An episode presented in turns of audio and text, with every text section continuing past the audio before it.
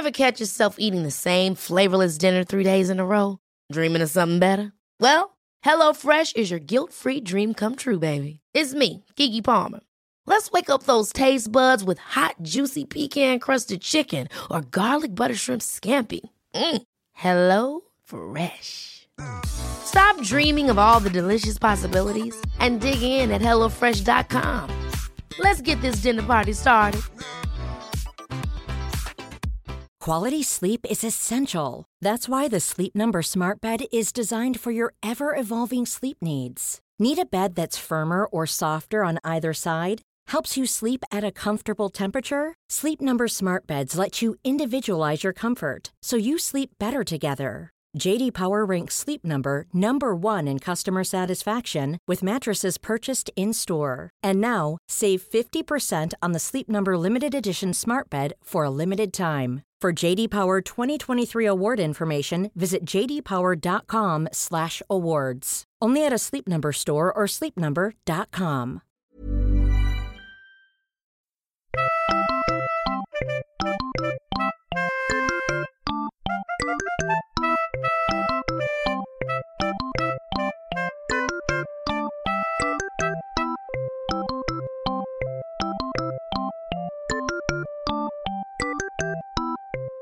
Dr. Kellogg's. J.R.R. Kellogg. jag vet inte. Jo, men jag kommer ihåg när jag var liten. Ja, foodie. När jag var liten käkade jag mycket uh, cornflakes. Och då, då stod det alltid på baksidan om då J.R.R. Kellogg. ah, okej. Som uh, först uppfann det som någon slags hälsokost. Exakt. Så är det ju. Det, är ju, det, är ju, det ser man ju också på dem. Men vilken tid, uh, när var det ungefär? Var det 1800-talet? ja, det känns som i USAs barndom på något Ja. sätt. Men majs, det var liksom svaret på allt. Och sen, eh, nej men sen nu har vi utökat till eh, även Rice Krispies går bra. Mm. Men alltså då, hela den där grejen med Snap, Crackle and Pop. Ja, Det går ju bort när man inte har mjölk till. De, ja de verkligen. låter ju inte.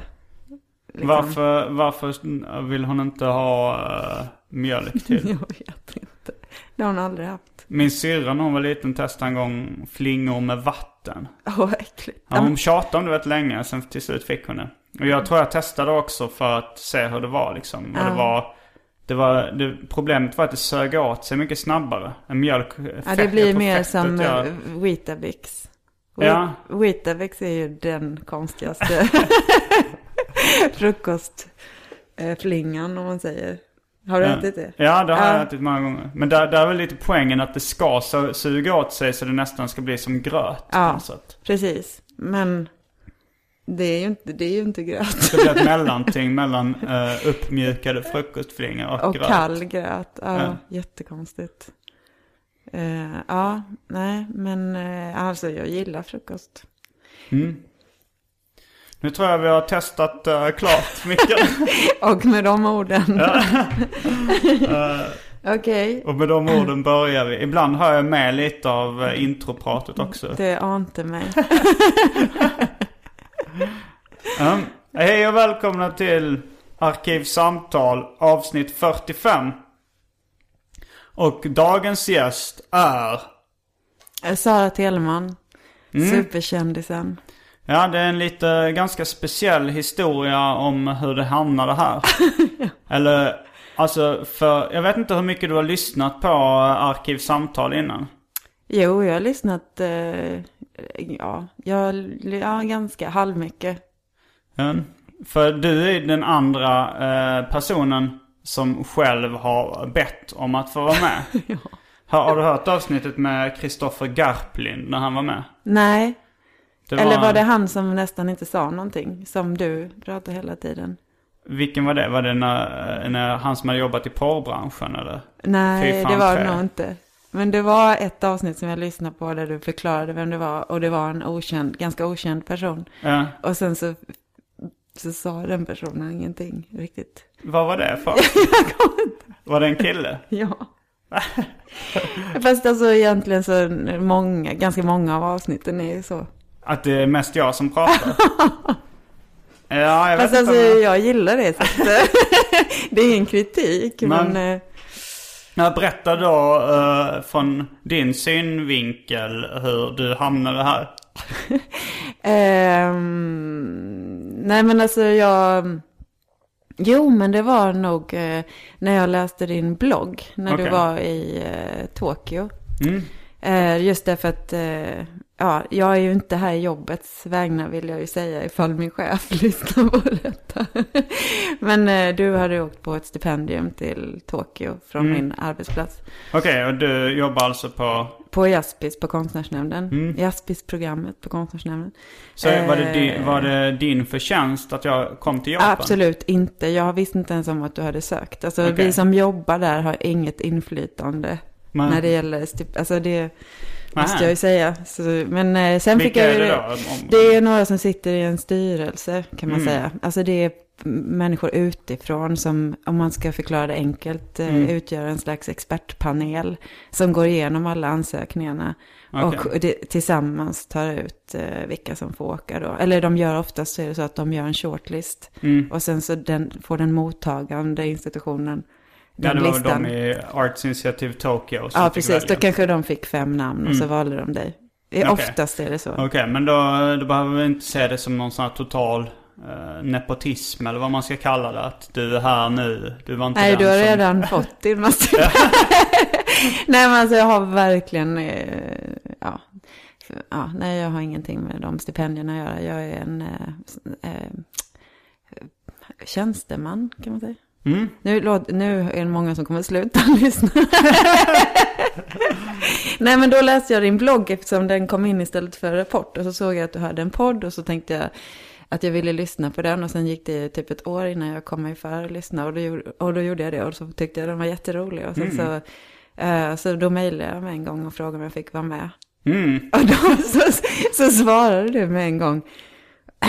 Ja visst, som att det var liksom den naturligaste saken i världen. Att folk bara mejlade och sen fick vara med. Men eh, sen visade det sig efteråt att du trodde att du visste vem jag var. Ja, för det var så att min kompis som heter Stina Lövgren. Hon hade med några möbler eller vad det var i en konstaktion som skulle vara i, i var det i Högdalen? Örnsberg. Örnsberg var det. Eh, och då så gick jag dit och så satt det någon tjej i kassan där som sa så ah det är du Simon, du var med i, i Värvet, den podcasten. Ja Och just så det. sa jag, ja, så pratade vi lite kort om det och, och sen så, jag vet inte om det var dagen efter eller på kvällen så fick jag ett mail från en person som jag trodde var den här tjejen som jag hade pratat med som satt i kassan där. Som skrev, äh, får jag vara med i din podcast? Så, Ja visst.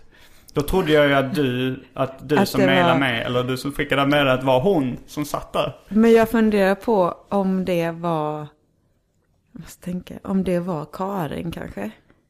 Ja det kanske det var. Men alltså hon är mycket, mycket kortare än vad jag är. Men hon typ tio, tio år yngre. Hon satt ner. ja, ja, ja, men jag det vet inte om ni var så lika. Det var, det var, alltså jag, jag bara tänkte, ja men jag, det var, du har en sån tecknad avatar också på Facebook. Ja, just det. Så jag bara sa, ja men det var ju likt henne. Ja, jo, men den är, den är ganska lik Karin. Jag Okej. själva, det är jag som har ritat den. Ja, så du är Ja. alltså illustratör också. Mm.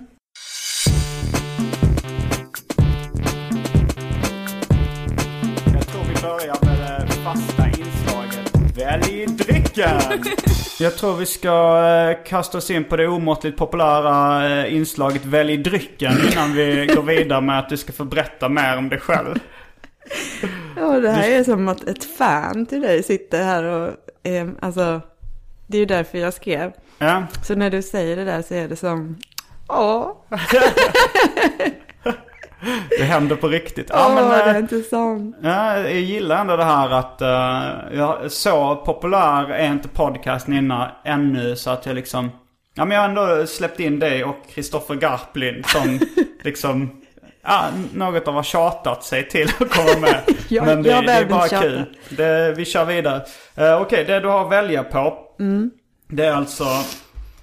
eh, en dryck som jag hittade på Ica då som jag inte har testat innan. Cocta Rossa heter den.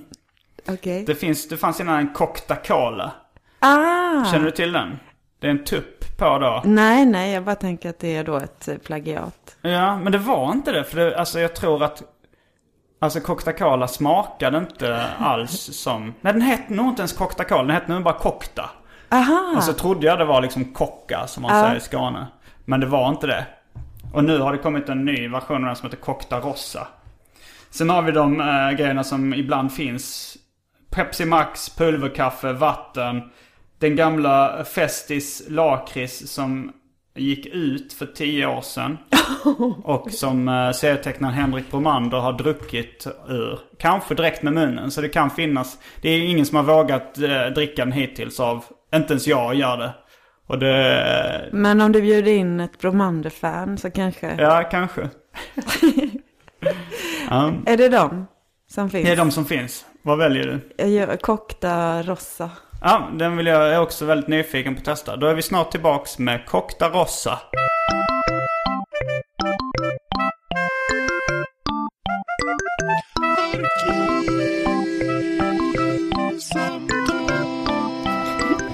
Ja, då är jag tillbaks med Cockta Rossa.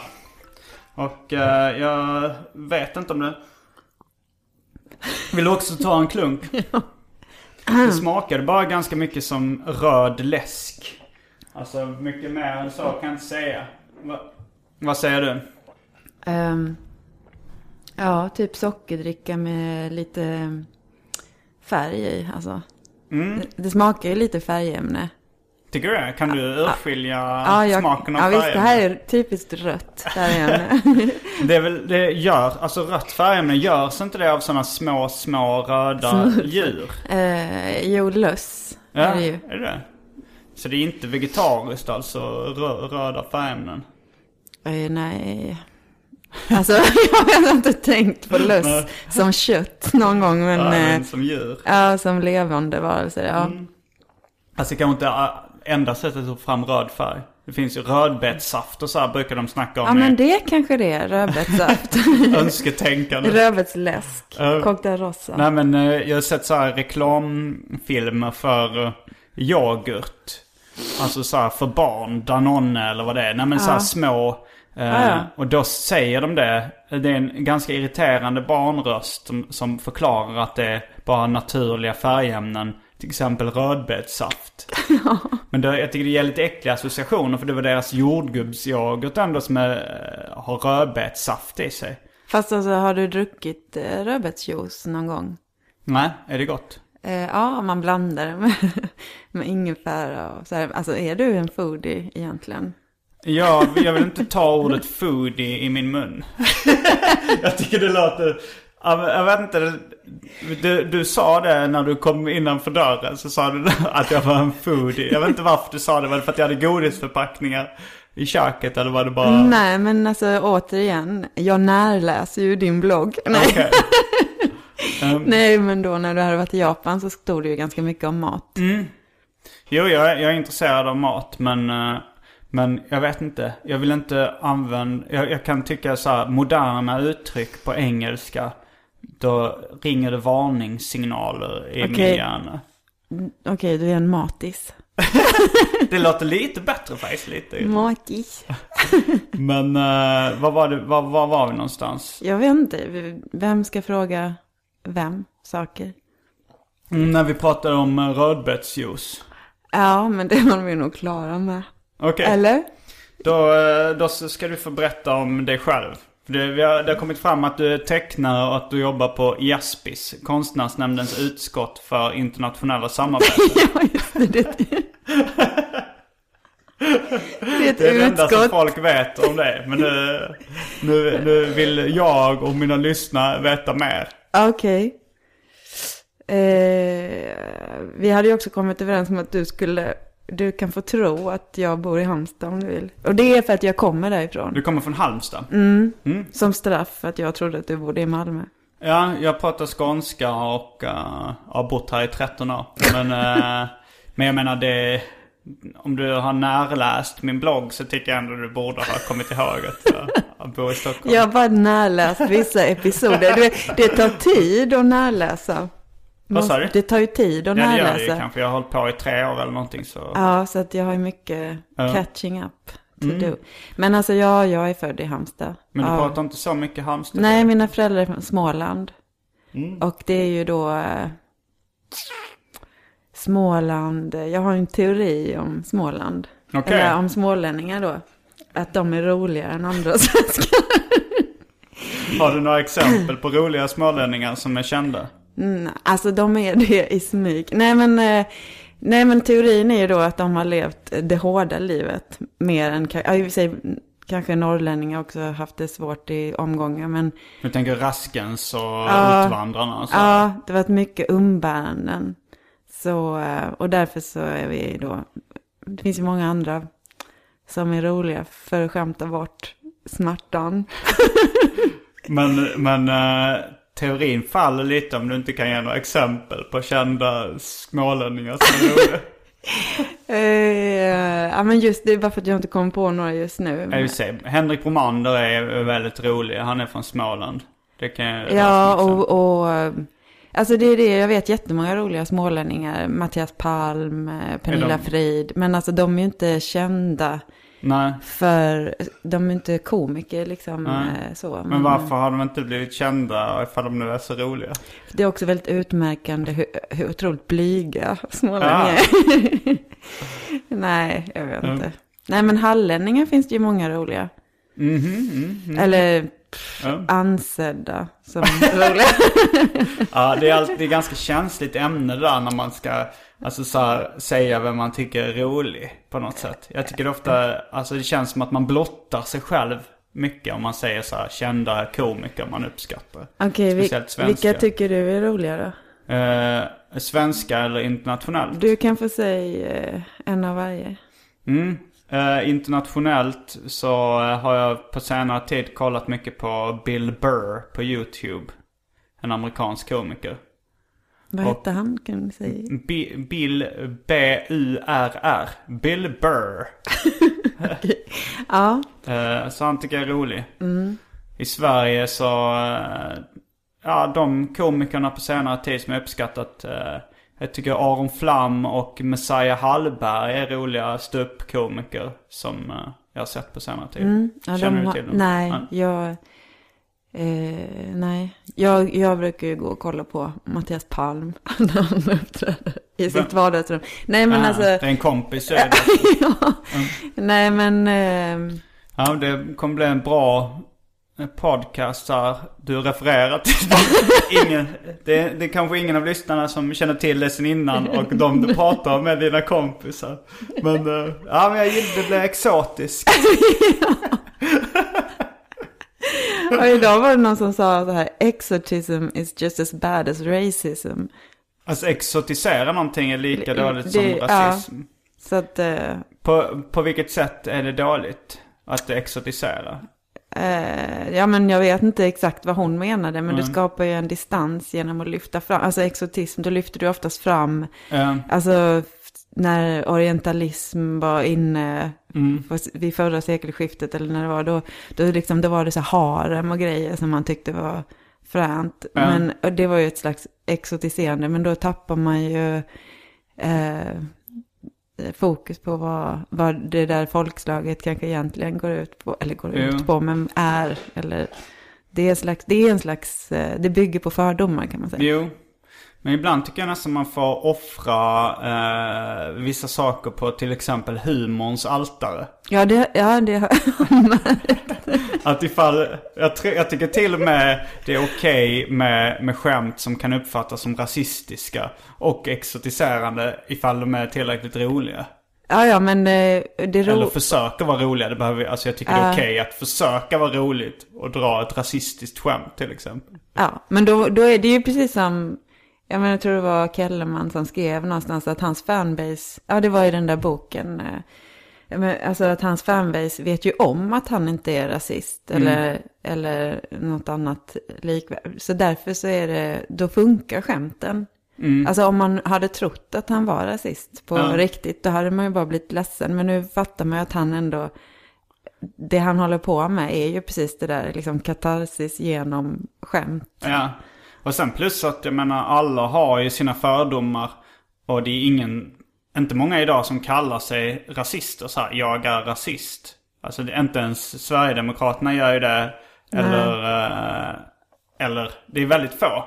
Men jag menar alla har ju, ligger väl på sin skala av hur liksom fördomsfull man är. Det är ju ingen som är helt fördomsfri. Som jag känner till i alla fall. Nej. Eh, Så jag menar, även om, han har, även om han har sina fördomar och blottar dem genom humor. Så tycker jag det känns okej så länge det inte är för... Alltså så här, hade han varit, haft en rasistisk poäng, eller så här, en rasistisk uppgift. Att han sa nu ska Ja, jag ja. förmedla Ja, jag eh, det här främlingshatet genom mina serier. Jag vet inte, kanske hade han lyckats få det roligt i alla fall. Ibland, ibland kan jag tycka att sånt är kul. Alltså även ifall, alltså ifall jag lyssnar på gangsterrap och sådär. Och det känns som att vissa av de här åsikterna som de framför, det, det är ju säkert mycket humor i det. Men de tycker säkert, de, är, de har säkert fruktansvärda åsikter i grunden också. Men på något sätt är jag så distanserad så jag kan skratta åt det i alla fall. Och tycker det är roligt för det är så överdrivet. Ja, men det är ju liksom, det är ungefär som att tala om att man är svartsjuk eller vad som helst. Eller alltså i en serie eller en bok.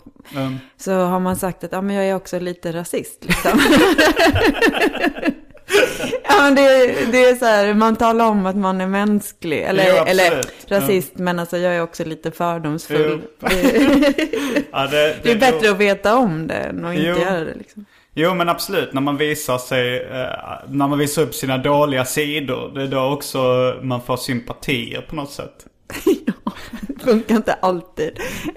Nej, det, det, Men, om det eh, går till överdrift så. ja. Så vill du, vill du, Ska jag fortsätta berätta om det?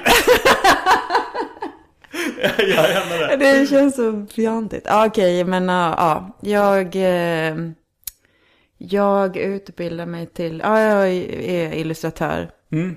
Vad har du tecknat för grejer?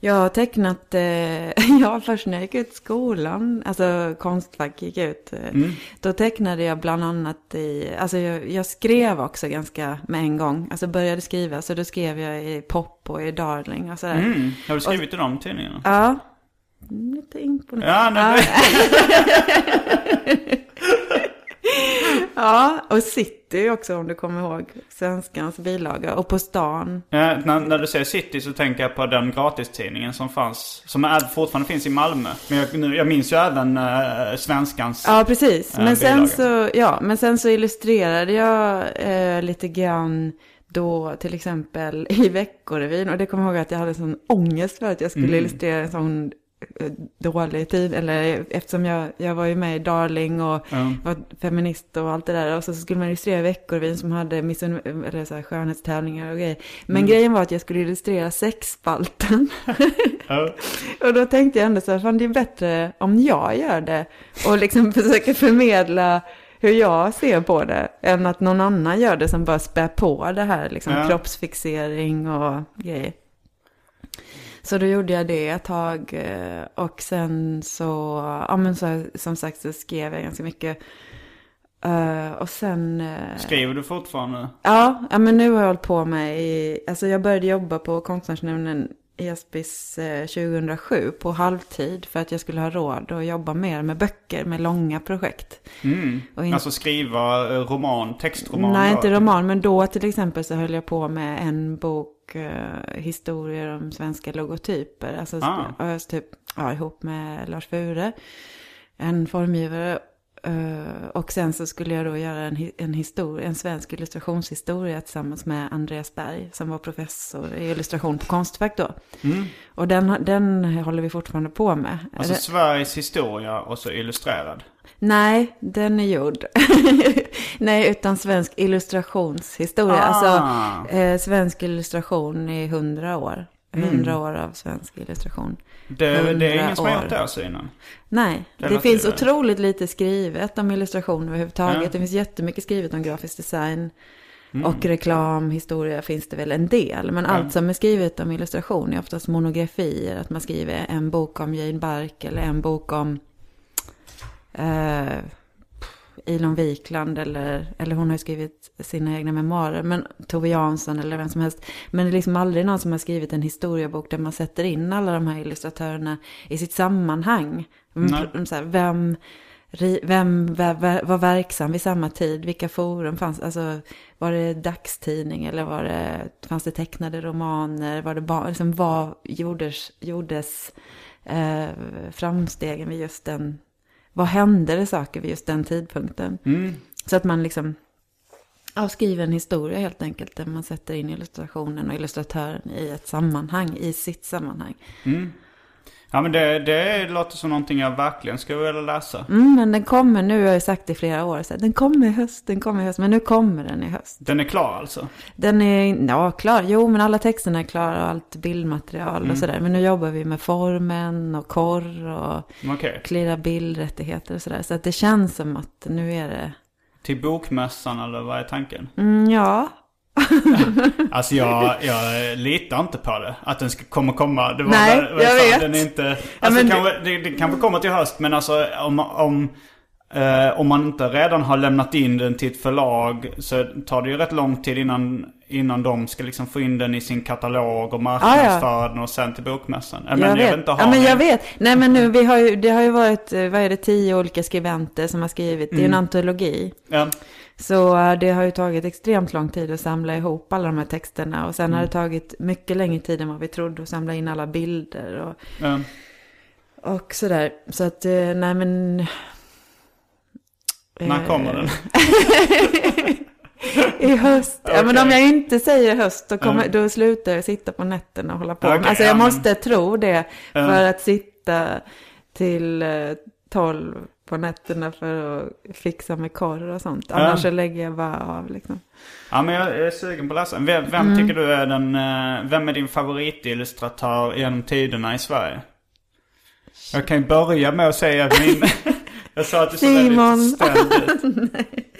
Ja, nej. Alltså eh, Einar Nerman är jag jävligt förtjust i. Ja, du kommer, det, ja, du kommer gilla den här boken. Står det mycket om Einar Nerman? Det är ett helt kapitel av Einar Nerman. Oj, oj, oj. Därför att, alltså, eh, i boken, vi har inte valt, alltså man skulle ju kunna lägga upp det så att vi måste ha med den och den och den och den illustratören. Men det Mm. har vi ju inte gjort, utan vi har ju gjort så här, det här kapitlet om 90-talet, då, då pratar vi om eh, liksom datorerna som verktyg och Japan som influens. Mm. Eh, re, alltså det som hände då som påverkade illustratörerna. Och sen så tar vi ju upp illustratörer som exempel. Men det blir ju hela tiden så, ja ah, men gud vi har glömt att skriva om den och den. Alltså bara, nej men det, är inte, det spelar ingen roll. Därför att vi, vad vi berättar är historien om vad som hände på 90-talet. Eh, men då är ju så att Einar Nerman var ju den första stora kosmopoliten. Han fanns ju liksom han flyttade till New York, han skrev, han hade typ skrivit tre självbiografier innan han fyllde 40. Alltså han var så, Har du läst någon av dem? Nej, det är inte jag som har skrivit det kapitlet. Men, och sen, men det finns ju ett fantastiskt bildmaterial. Och, Mm. och man tror ju att alla vet vem Einar Nerman är. Men det är, det är väldigt många yngre som faktiskt inte har en aning. Ja, det är många, alltså det, ja, det är väldigt, de jag pratar med som är illustre- eh, in, intresserade av illustrationer och, sånt där vet inte vem det är riktigt. Men jag kan, vi kan ju berätta för lyssnarna då att det som Einar Nerman är mest känd för är illustrationen till Solstickan, tändsticksasken. Mm. Eh, sen, sen vet jag inte om han har någon annan claim to fame liksom. Han var bara en jävligt bra illustratör. Ja, nej men han gjorde ju ett eh, eh, väldigt, väldigt känt porträtt på Greta Garbo också. Ja, men det är liksom, det är lite så här nästa level av kunskap. Mm, det är det ju. Alltså Solsticken har ju alla sett liksom. Ja, precis. Men han har nog ingenting annat som så här, alla har sett. Nej, direkt. det tror jag, nej, inte så här Ernst Rolfs eh, not. Att väldigt många lyssnare inte vet vem Ernst Rolf är. Jag vet ju vem det är men, men eh, Ja, nej, jag skojar. det tar man upp ibland så här. Alltså jag snackade med någon eh, komiker som hade ett radioprogram. Då pratade vi om referenser. Och då så tog han upp just Ernst Rolf som en smal referens. Som, som inte alla visste vem det var. Nej, och du blåner, du bara nej. Alla vet, eller Nej, du visste jag, vem det var. jag, jag höll med om att jag trodde inte att all, att väldigt, jag tror att ganska få av P3s lyssnare vet vem Ernst Rolf är. Mm. Men, eh, ja det var en, var det en, en sångare, en revykung, kan man kalla honom det? En estradör. Estradör. Höll han på med revyer, eh, Ernst Rolf? Jag vet faktiskt inte, men han gjorde ju en del, alltså anledningen att jag har, eh, alltså jag gillar ju mer Tutta Rolf då som hans fru. Här var de gifta. Här. Ja, eftersom hon heter Rolf. Mm. Eh, Vad, vad gjorde hon, Tutta Rolf? nej men alltså när jag var liten så Mm. var det någon slags eh, Ernst Rolf-festival på tv. Så att, eh, under något lov. Mm. Så att det var så här en Ernst Rolf-film om dagen i en vecka. Och jag och min syrra, stora syster satt och kollade på dem där. Mm. Och eh, sen sjöng vi så här, typ kupletter i ett halvår, ett år var efteråt. kupletter. Ja, men det är väl en sån eh, eh, eh, sång som man sjunger med sånt där vibrato. Okej. Jag kan en Ernst Rolf-text. Där kan vi snacka exotisering. Ja. Eh, det är den i Honolulu. Eh, har du hört den? Jag är rätt inne på Hawaii-musik. Ja, ja. Och Ernst Rolf var tidig då med att, jag vet inte vilket årtal vi det 40-tal eller när, när var det han som var verksam? Jag tror han var tidigare. Men eh, Så ja, det kanske han var. 20-30 typ. Ja, men det finns en inspelning eh, där han sjunger låten i Honolulu. Där, liksom där är så här, I Honolulu, där finns det många vackra Zulu. Med ring i näsan och Zuluvis. Zuluvis, Zuluvis. Den Är kan ni det- kolla upp på YouTube. Är det geografiskt korrekt? Nej, det är inte det. Zulu eh, är väl af- en afrikansk kultur. Och han har tagit för sig att det Honolulu då Hawaii och blandat ihop. Så jag tror inte att Zulu-invån, Zulu-folket hade inte ring i näsan heller. Så att det är ganska mycket fel och exotisering i den låten. Ja, han Men, hade ju eh, verkligen inte passerat det idag. Men ja, Men kul var det i alla fall. ja Ernst Ja. Rolf, you Mm. guys. Men när jag har skrivit faktiskt på min blogg om, eh, inte Ernst Rolf, utan Einar Nerman som vi pratade nyss om. Ja, Då jag gjorde en liten miniserie på bloggen med, som bestod av två inlägg eller någonting. som skulle vara då just de bästa tecknarna genom tiderna. ja. Så det var han och, Han och eh, Ingrid Wang Nyman. ja, Som jag sen insåg att hon kanske egentligen räknas som dansk. Men ja ju- exakt. Ingrid Wang Nyman är hon som tecknar eh, de här Pippi Långstrump där de ser asiatiska ut i ansiktena. ja, nej men har du hört, nu kommer jag, gud vilket otroligt så här nördigt, eh, ja. Ja men det är ju nördigare desto bättre Ja, ska eller jag hur? säga. Ja. Det är det som är styrkan med en podcast. Man behöver inte vara folklig. Ja, nej men alltså jag har nämligen läst om det där för att Mm. uh, Inger Wang Ny- Wang Nyman gjorde ju alla Pippi, även eh, de som såg lite mer långsmala ut. Va? Nej, men det är ju någon annan illustratör som är känd eh, för Pippi-böckerna också. Eh, nej, alltså eh, Nu det ska jag göra hon. en sak som jag inte brukar. Du ska... Pausa och googla. Ja.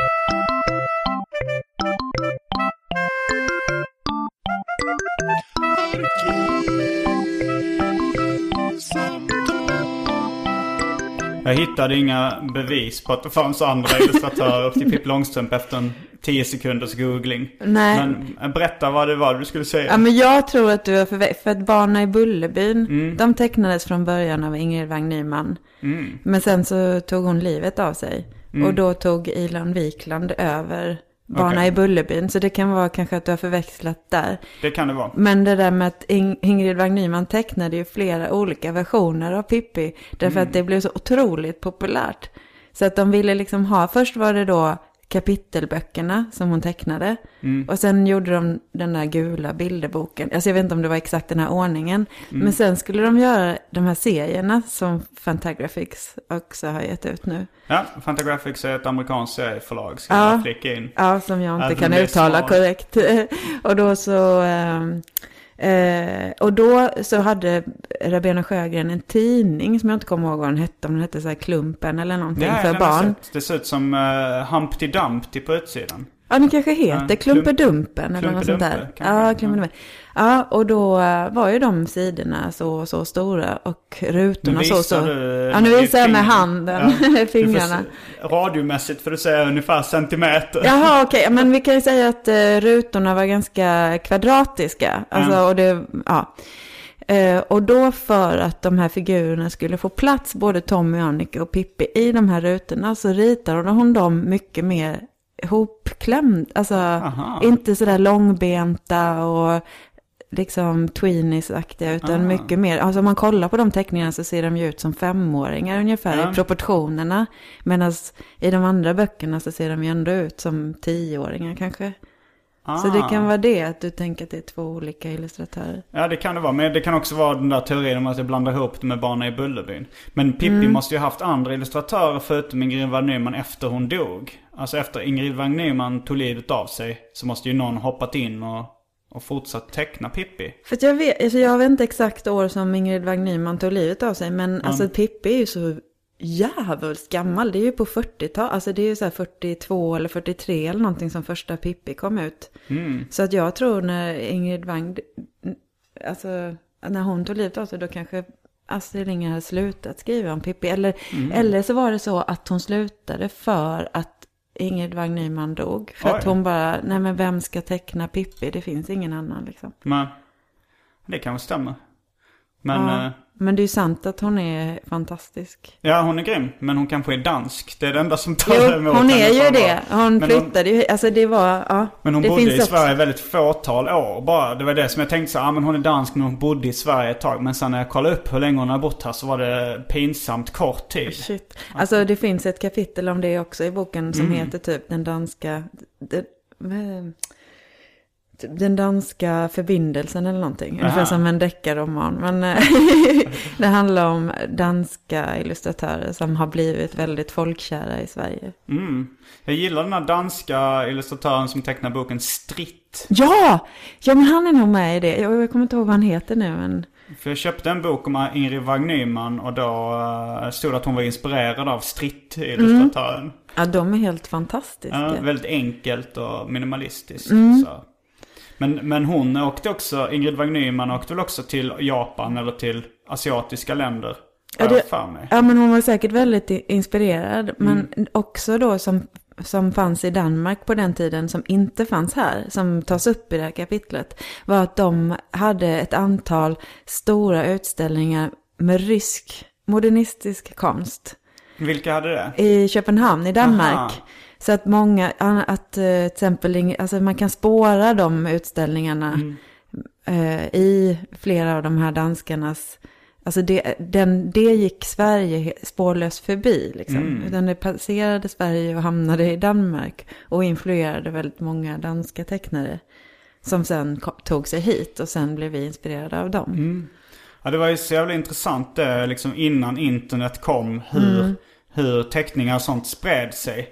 För jag läste i en eh, historiebok om animation, eh, då stod det om uh, Zagreb Films som tecknade Professor Baltasar. Ja, ja, Att där så var det att det fanns, när, när Disney, det blev liksom en lite politisk strid inom Disney. De ville starta fackföreningar och det gillade inte Walt Disney. Ja. Eh, och sen så var det ett gäng, en utbrytargrupp. eh, som startade en eget uh, animationsbolag som hette IPA.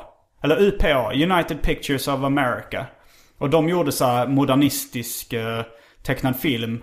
Inspirerad av då liksom Picasso och Braque och sånt liksom. Modern konsttecknad film som blev eh, ganska typisk så här 50-talsstil med vissa så stiliserade animationsfigurer och sånt där.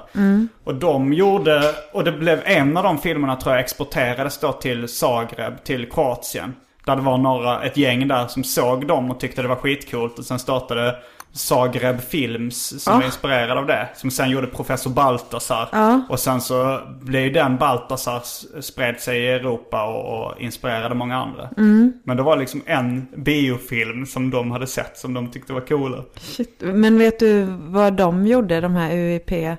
UPA. Eller UPA, vad, vad hette deras karaktär? Är det något som man har sett? Den mest kända hette Gerald McBoing Boing.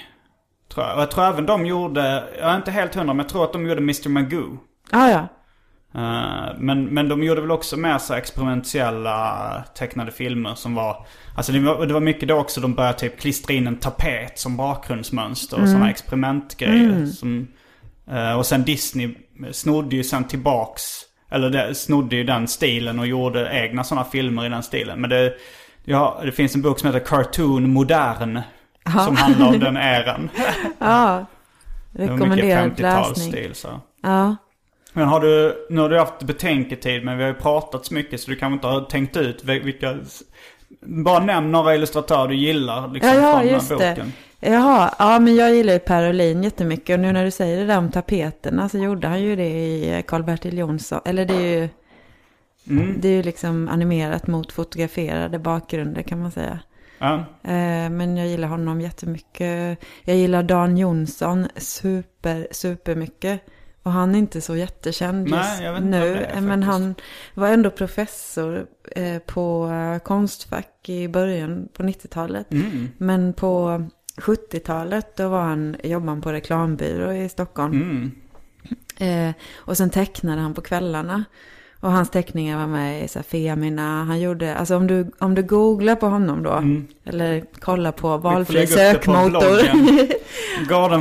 Gardenfors.blogspot.com kommer vi lägga upp bilder. Du får, du får skicka bilder av honom Ja. till mig. Nej men han är fantastisk och helt... Eh, eh, ja, faktiskt förvånansvärt okänd Mm. ändå. I vår generation. Eller min och din. Ja. Vi är av olika. Vi kanske ska nämna Per Wolin. Eh, kanske mest känd för resan till Melonia för, för dagens unga vuxna. Så vad har du för lyssnarsegment? Jag har ingen aning. vi kan välja, vi kan säga, för 40-talisterna så var han Hasse och Tages tecknare. Jo det var han. Ja, Karl-Bertil Jonssons jul är också... Ja, det är ju Tage Danielsson. Och sen så... Men det är, det är väl Per Wolin som tecknat? Ja, precis. ja. Och för 70-talister så är han eh, Karl-Bertil. Eh, Och för yngre så är han, eh, ja, Melonia. De är väl typ 30 nu då, de som kollar på Melonia. Jo, eh, men jag kommer ihåg att jag, jag, jag tyckte inte riktigt den tecknarstilen var uh, snygg när jag var liten. Jag har ju sett andra grejer av Olin som jag gillar, alltså hans bokomslag Ja. och sådär. Ja. Eh, och alltså, jag vet inte om han formger dem själv också men... Nej, det var eh, en gubbe som hette Vida Forsberg som Okej. gjorde omslag. Men då var det kombinationen där av liksom Mm. formgivningen och hans illustrationer som blev... Jag, jag brukade kolla på, följa den här A Journey Around My Skull. Känner du till den bloggen? Nej, den ska... Den, den har bytt namn nu tror jag. Men det var en väldigt populär blogg bland färg och formintresserade. Det var en, en kille som skannade gamla omslag, Ah, bokomslag och jo, så. men då har jag nog, eller jag vet inte, jag Mm. har varit på flera sådana sajter, men jag kommer inte ihåg vad de heter just. Men var det han som hade så enormt många bokomslag? Ja. Och han hade hittat ganska många Per Olin-tecknade omslag Mm. också. Alltså, jag vet inte, han, var nog amerik- han är nog amerikan. A Journey Around My Ja. Skull-snubben. Men han har hittat, och det var, det var först Mm. då jag, eller jag hade jag har gillat vissa grejer av Per Olin innan. Jag gillar också svenska ord, alltså Hasse Mm. och Tages eh, filmer och sånt där. Där han gör lite animationer och sånt. Mm, Picassos äventyr också. Det är grymt. Mm. Men, men det var då jag såg Per Olins uh, så här bokomslag. Men då var det kanske i kombination med den grymma formgivningen också. Vem var det du sa hade gjort den? Vidar Forsberg. Ja, ja det, är bra, det var bra expertkunskap på det här, tycker jag. Eh, Ja. Olle Excel är rätt förtjust i också faktiskt. En svensk illustratör. ja, som har blivit jäkligt eh, kopierad. Eller Ja. av många generationer efter liksom. Han, ja, han är ju fantastisk. Han var ganska stor i Eh, Japan. Alltså så ja. man gick på uh, bokaffärer och sånt fanns det Mm, det finns ju en japansk eh, bok om Olle Excel som Mm. är faktiskt mycket mer, liksom, det finns ju ett par svenska, de här design lika med ekonomi och det finns typ tre stycken, en serie böcker med hans, alla hans grejer.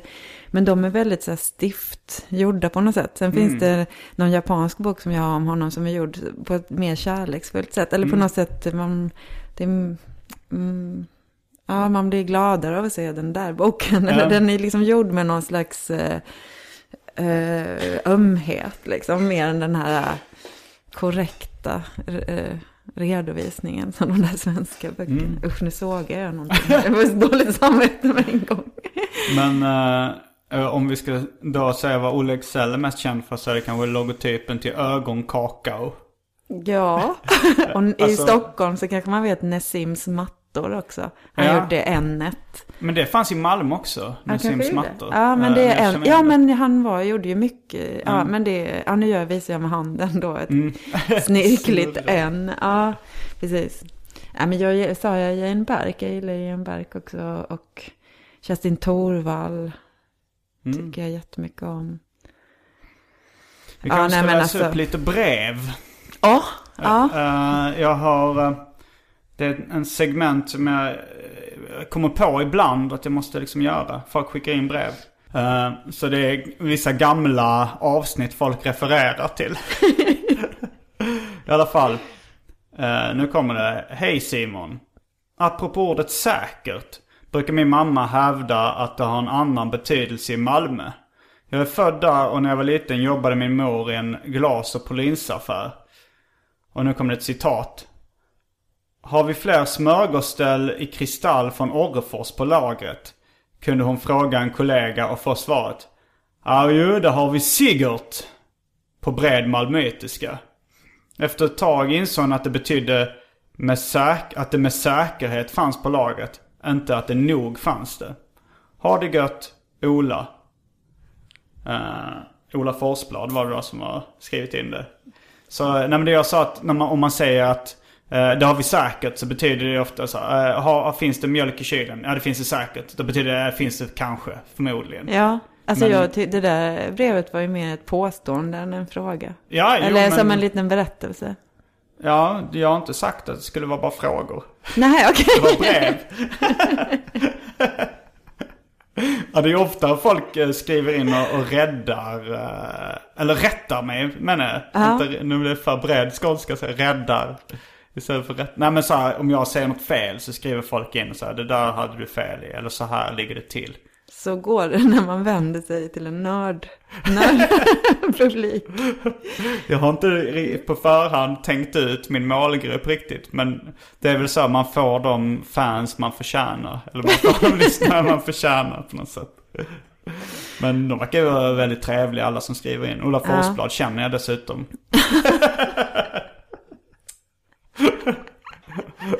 Han är serietecknare. Ja, ja. Nu kommer det ett brev från en eh, som jag inte känner. Ed K.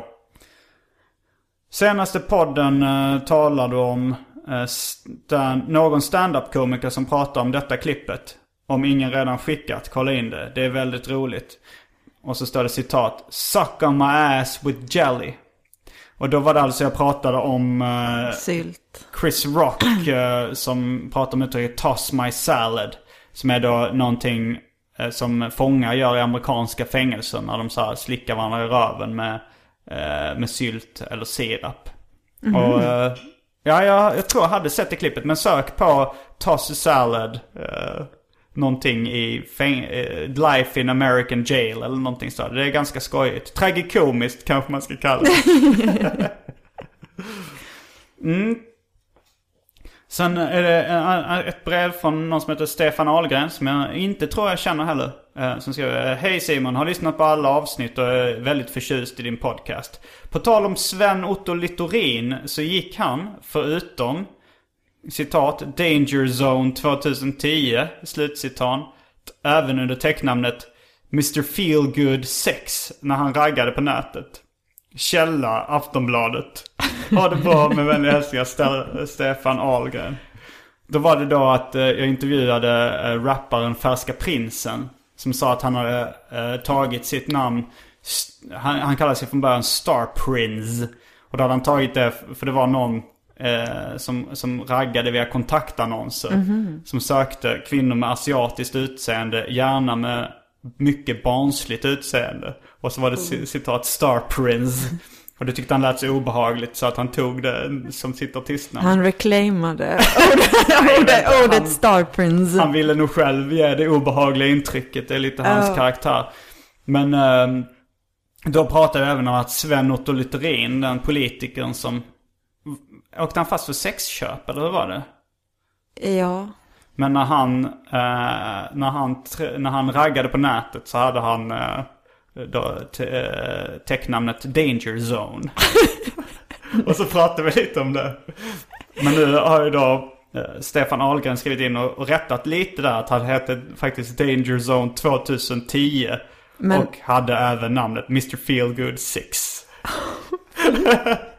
Det måste vara något så namn som programmet föreslår typ. Tror det du det? finns ju redan då Dr. Feelgood 1, 2, 3, 4 och 5. Ja, nej, men jag trodde Uppenbarligen. inte att si- siffran 6 skulle också anspela på sex. Alltså som begreppet. ja! Det hade du missat. Du kan vara lite naiv där. Ja, jag, jag är så oskuldsfull. Åh. Ja, jo men så är det ju. Men det blev, eh, det blev nästan lite ännu, det blev ännu obehagligare när man får liksom, när man får läsa hans användarnamn.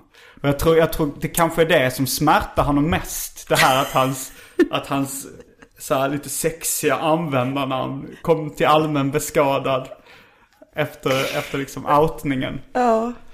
Men du, ja just det, du har ganska snällt eh, eh, artistnamn ändå. Simon G. Eller Är det vad? inte typ far? Far och son. Ja, far. Och då är väl du far eller son kanske? Ja, men det, det var faktiskt, eh, alltså det namnet kom faktiskt till via eh, ett ganska, alltså så här, det började med att jag och eh, David Liljemark och Kalle Törn gjorde en serie som heter DJ Röv. Ja. Och sen, och då, då var konceptet där att det var en DJ som sa en massa interna DJ-termer och liksom elitistisk smörja.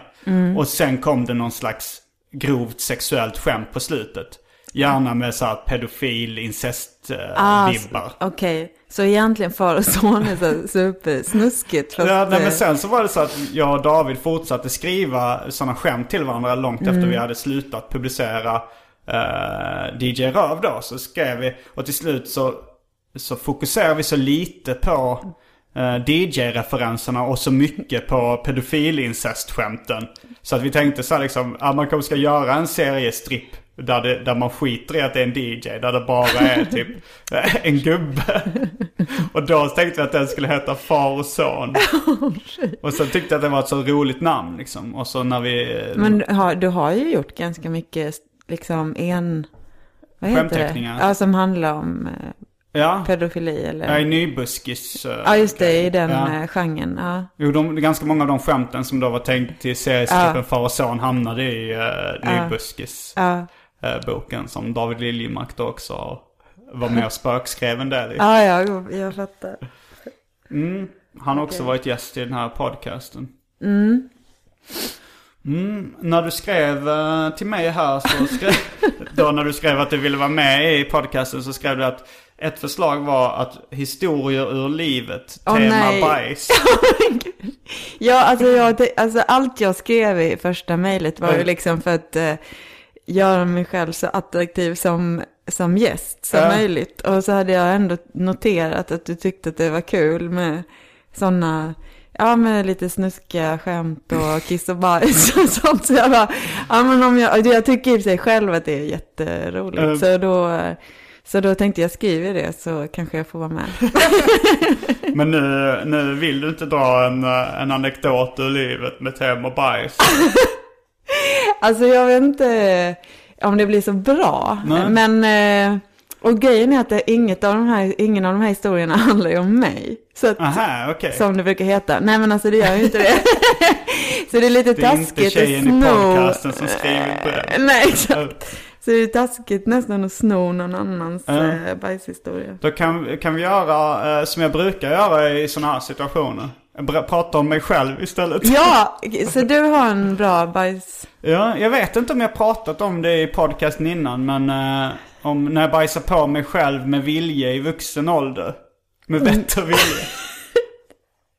Den har jag missat. Men alltså, jag tror inte jag har dragit det är, den. så det är säkert jättemånga som vill höra igen. Mm, då blir det, om jag har dragit, nej det, jag tror inte jag har dragit den i podden, men då blir det en favorit i repris för dem. Mm. Men detta började med serietecknaren Johan Wanlo, eh, Mm. som var gäst i, när vi hör, du hör det här så kommer det vara förrförra avsnittet. Okej. Eh, att jag satt och pratade med honom på en bokmässa. Då berättade han att eh, när han var liten så var det bästa han visste att uh, bajsa på sig. Eh, kanske speciellt när han satt ner liksom så här, och att det bara så här bajsa så att det... Jag vet inte vad som, vad som hände då exakt men att det plattades Jo, till. men det Att vet du ju. Det var rätt skönt. Ja nu, nu, nu vet jag fast jag Ja. tror det är lite skillnad i vuxen ålder och, och som barn. Mm. Så när han var då med sina föräldrar på posten eller på banken. Då, eh, då tänkte han så att de som jobbar där med att sitta liksom på posten och banken hela dagarna. De bajsar säkert på sig hela dagen. De sitter Mm. säkert för det är så skönt att göra det. Så då tänkte han att han ville, när han blev stor så ville han jobba på post eller bank. Så att han Mm. kunde, skulle kunna sitta och bajsa på sig hela dagarna. och eh, jag tyckte det var skojigt när han berättade. Och då tänkte jag så här, men undrar om det är skönt att sitta och bajsa på sig. Ja. Så jag tänkte att jag, jag ska testa det. Så jag, men, men jag så här förberedde ganska bra. Så här att jag, jag tog ett par gamla kalsonger som jag ändå skulle slänga efteråt. När var så- det här? Det var kanske eh, tio år sedan eller någonting. Eller, Ja. eller jag, jag var kanske runt 25 när jag gjorde det. Eller 27 kanske, något sånt. Och så, så tog jag dem och sen så la jag en plastpåse på stolen för att jag tänkte om det, om det går igenom liksom bajs vill jag inte att stol, förstöra en hel stol för. Låter rimligt. Ja. Och sen så då så, så bajsade jag på mig med vett och vilja. Nej, inte med vett, men med vilja.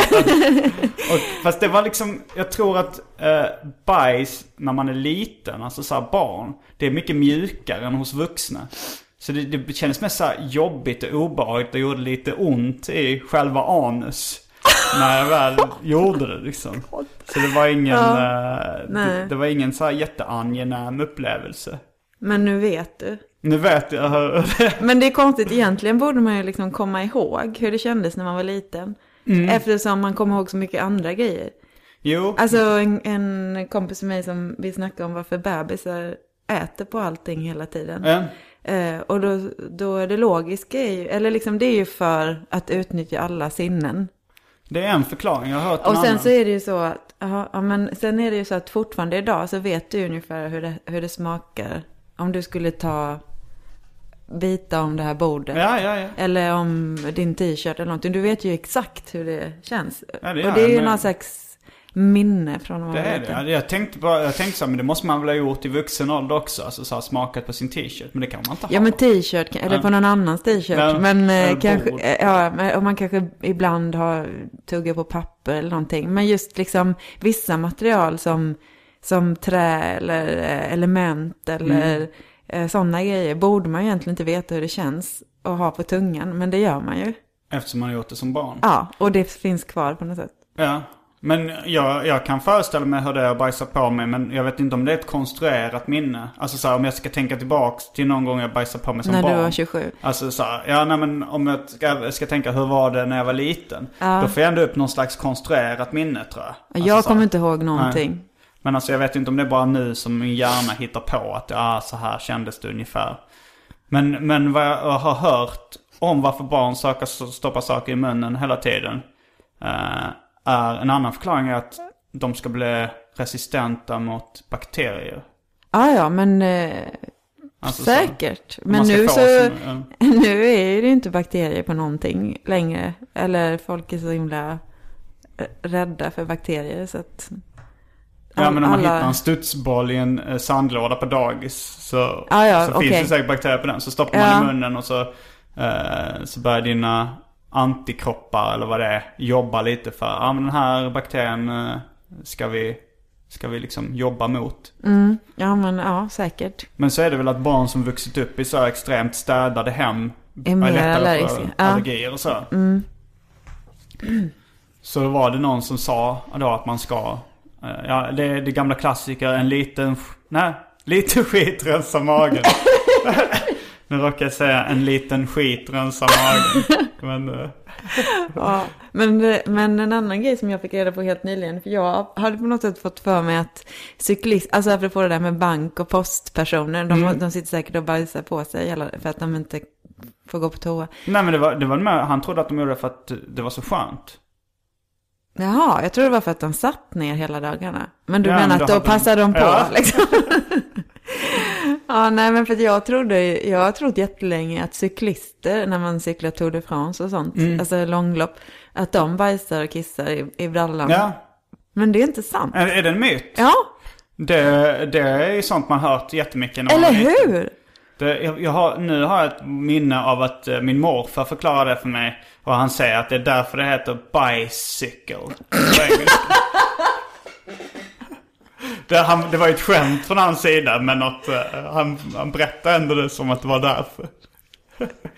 men... Uh, men vad det, gör de inte det? Hur, Nej, det är bara... de? Nej men, de håller sig väl? Eller liksom... Men är, är de inte ute svin länge? Jo, men samtidigt så, så eh, det är ju etapper liksom. Man kan väl skita en gång om dagen om man vill. Det har ju hänt. Eller bara en gång. Men jag för mig det finns så här skidåkare som har så här tajta brallor och så kommer de i mål och så har de bajsat på sig. Ja, men det har jag också hört. Ja. Men det, alltså, det kanske är som en sån här råttan i pizzan-grej. Att någon gång, en gång så var det en som bajsade på sig. Och då så har det blivit en sanning liksom att alla gör det. Det måste ju finnas på YouTube så här. Skidåkare bajsar på sig om man söker på det. Alltså så här, alla sådana roliga grejer som har gått på tv. Nu kommer du få en massa mejl med, länkar till eh, sportidrottare som bajsar på sig. Ja, men det, det är ett intressant...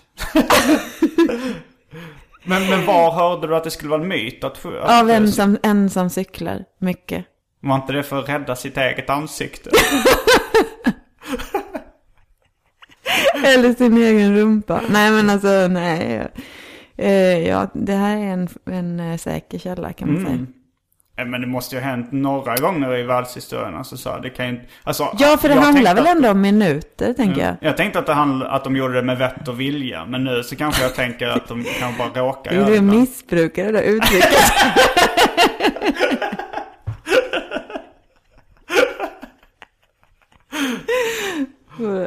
ja. Det var allt från uh, Arkivsamtal den här veckan. Eller har du någonting att tillägga? Nej, jag, jag tycker det är tråkigt att det är slut. Ja, Men, eh, du, du får, alltså vi kan lägga till lite, lite mer snack. Om, har, har du något speciellt, nu kanske du känner pressen på dig att liksom komma på någonting att prata om. Det har gått en timme liksom så jag bör, brukar bara avrunda. ja, ja, nej men det är fine.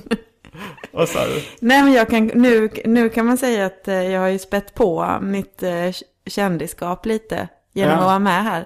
Så nästa gång kan jag kan få vara med någon mer gång i egenskap av kändis istället för fan då. ja. eh, Du ser, du, du ser skeptisk ut. Eh, jag började fundera på så här hur mycket... eh, för jag har ändå noterat det hos andra gäster att det är så här att de vill alltså ha podcasten som man här, ja men då kommer jag bli mer känd om jag är med Ja, där. nej men alltså jag... nej men alltså, nej jag bara skojar. Ja, jag förstår det också. Det här kan Men vi jag tänkte klippa bort. Ja. Mm, men har du någon eh, hemsida eller någonting där man kan kolla på dina illustrationer? Om, om du nu ska utnyttja chansen att marknadsföra ja, precis.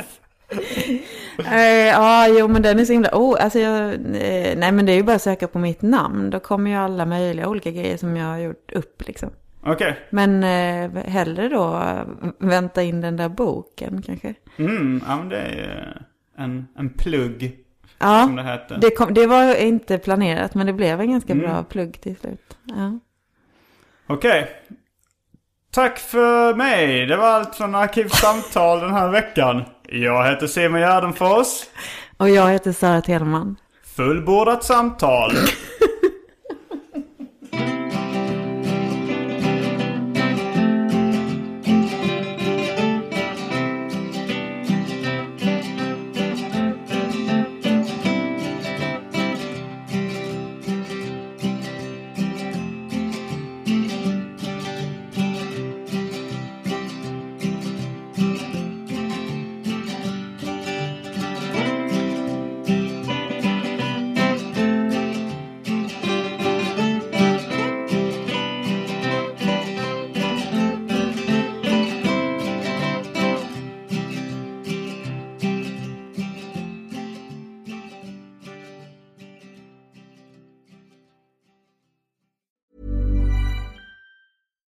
Catch yourself eating the same flavorless dinner three days in a row?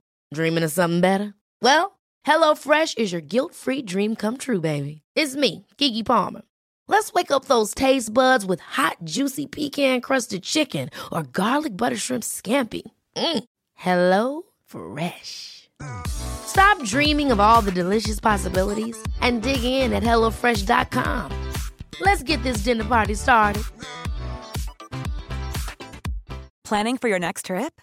Elevate your travel style with Quince. Quince has all the jet setting essentials you'll want for your next getaway, like European linen, premium luggage options, buttery soft Italian leather bags, and so much more. And is all priced at 50 to 80% less than similar brands. Plus, Quince only works with factories that use safe and ethical manufacturing practices. Pack your bags with high-quality essentials you'll be wearing for vacations to come with Quince. Go to quince.com slash pack for free shipping and 365-day returns.